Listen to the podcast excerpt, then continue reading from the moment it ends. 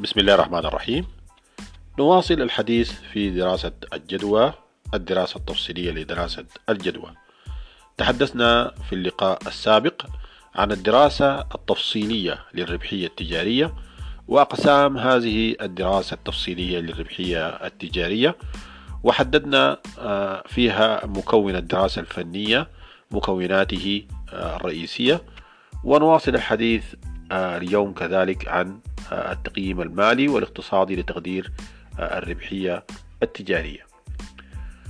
التقييم المالي والاقتصادي لتقدير الربحية التجارية فيه عدة جوانب. فيه ملخص الدراسة المالية.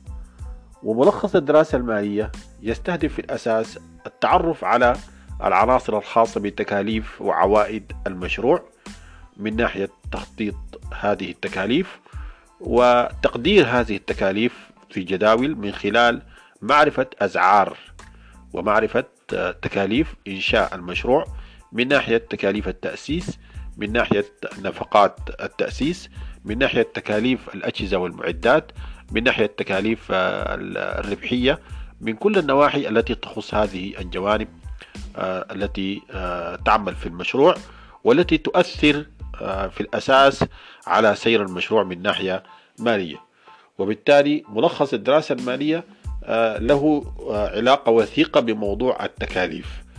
التكاليف أي مشروع تنقسم إلى نوعين أساسيين من التكاليف.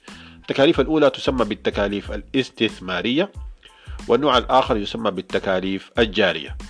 التكاليف الاستثمارية وهي كافة ما ينفق على المشروع. منذ بداية التفكير في عملية الاستثمار حتى دورة التشغيل العادية الأولى.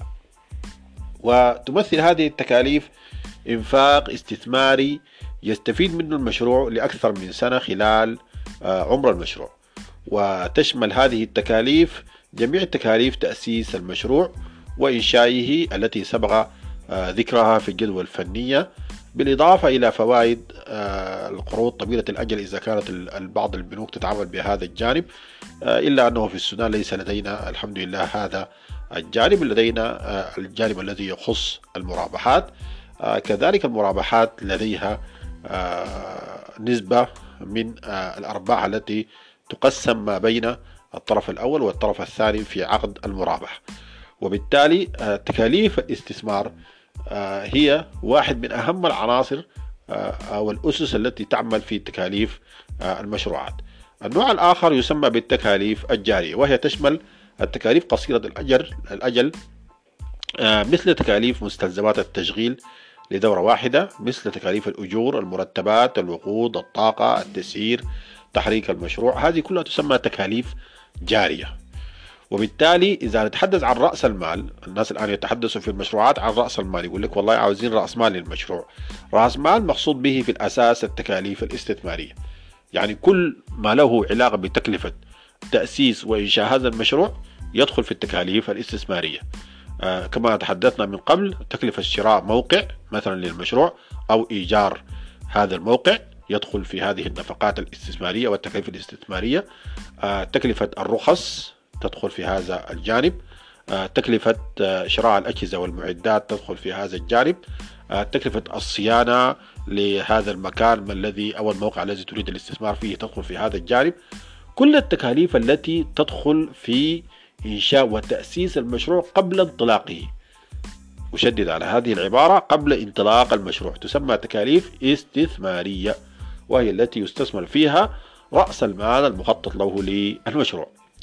أما التكاليف الجارية هذه تختلف. هذه التكاليف آه، لها علاقة بعد آه، بعد دورة التشغيل الأولى. يعني بعد افتتاح المشروع وتشمل تكاليف الأجور وغيرها وغيرها وغيرها.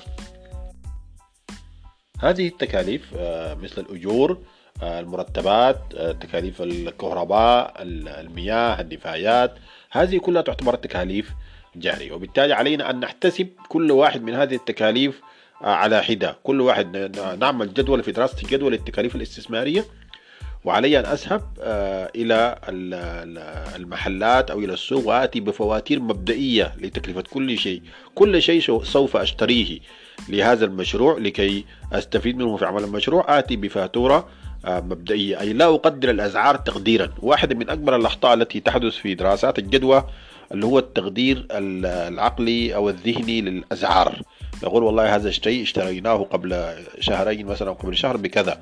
نكتبه في في في الخطة. أو أقدر لوحدي أن التكلفة كذا. هذه كلها أخطاء. لابد لابد في دراسة الجدوى من الإتيان بتكاليف حقيقية.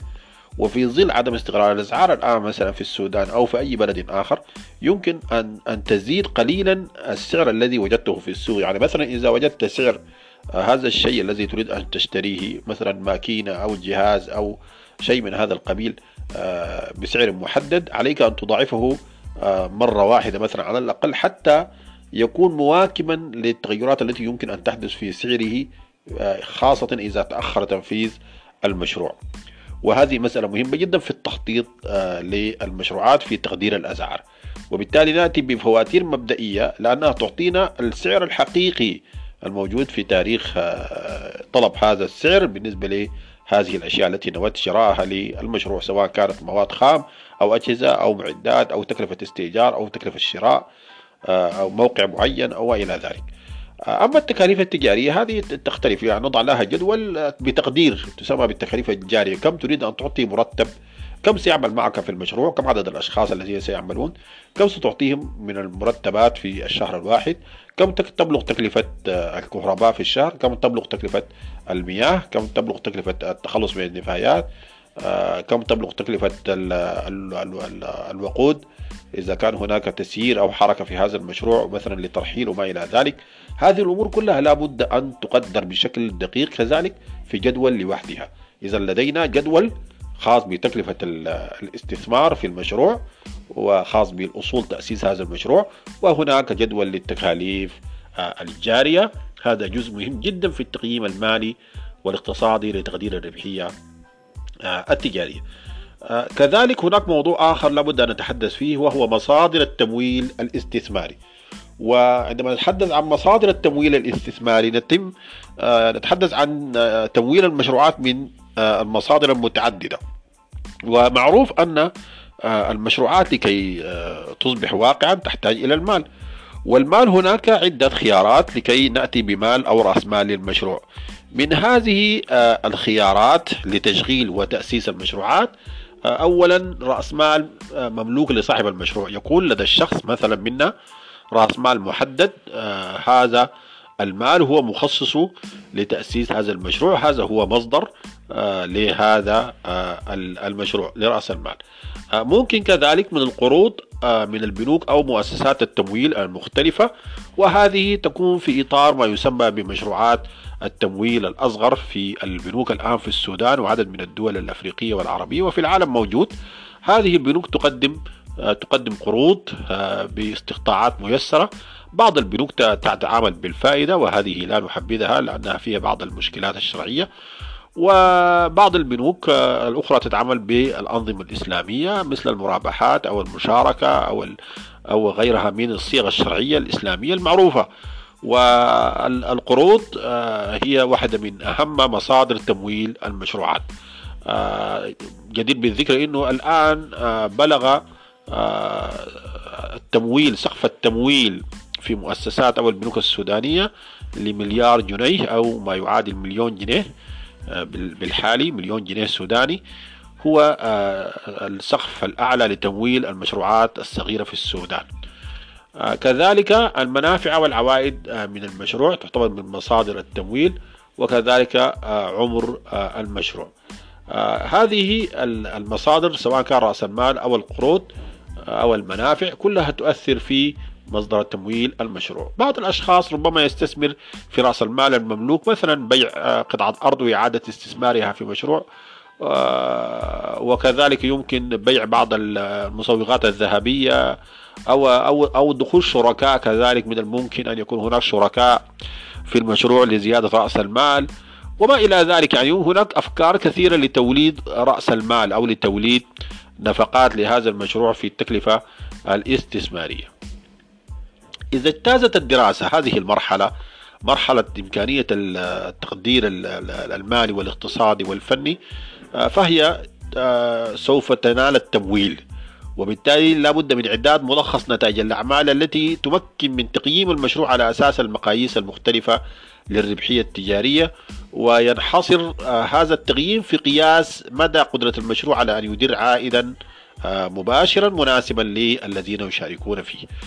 آه، ولذلك نحن نقول أن المرحلة الأولى مرحلة الدراسة التسويقية والدراسة الفنية مهمة جدا في بداية دراسة الجدوى. يعني أنت في بداية دراسة الجدوى تركز أولا على الدراسة التسويقية. ما هو المنتج الذي سوف تقدمه؟ ما هي الخدمة التي سوف تقدمها؟ توصفها توصيف جيد جدا. وما هي مميزاتها؟ وكيف تستطيع أن تسوقها في السوق لتقنع بها الزبائن ليشتروها؟ هذه تحتاج منك إلى عمل كبير جدا فيما يخص العناصر الأربعة التي ذكرناها ال four Ps المزيج التسويقي. ثم بعد ذلك تذهب إلى الدراسة الفنية ويجب أن تعطي فيها تفاصيل كاملة عن الموقع وعن التشغيل وعن الأجهزة والمعدات وهذه الأمور يعني. ثم تذهب إلى الدراسة الخاصة بالجوانب الدراسة المالية ما يخص النفقات كما قلنا النفقات الاستثمارية والنفقات الجارية.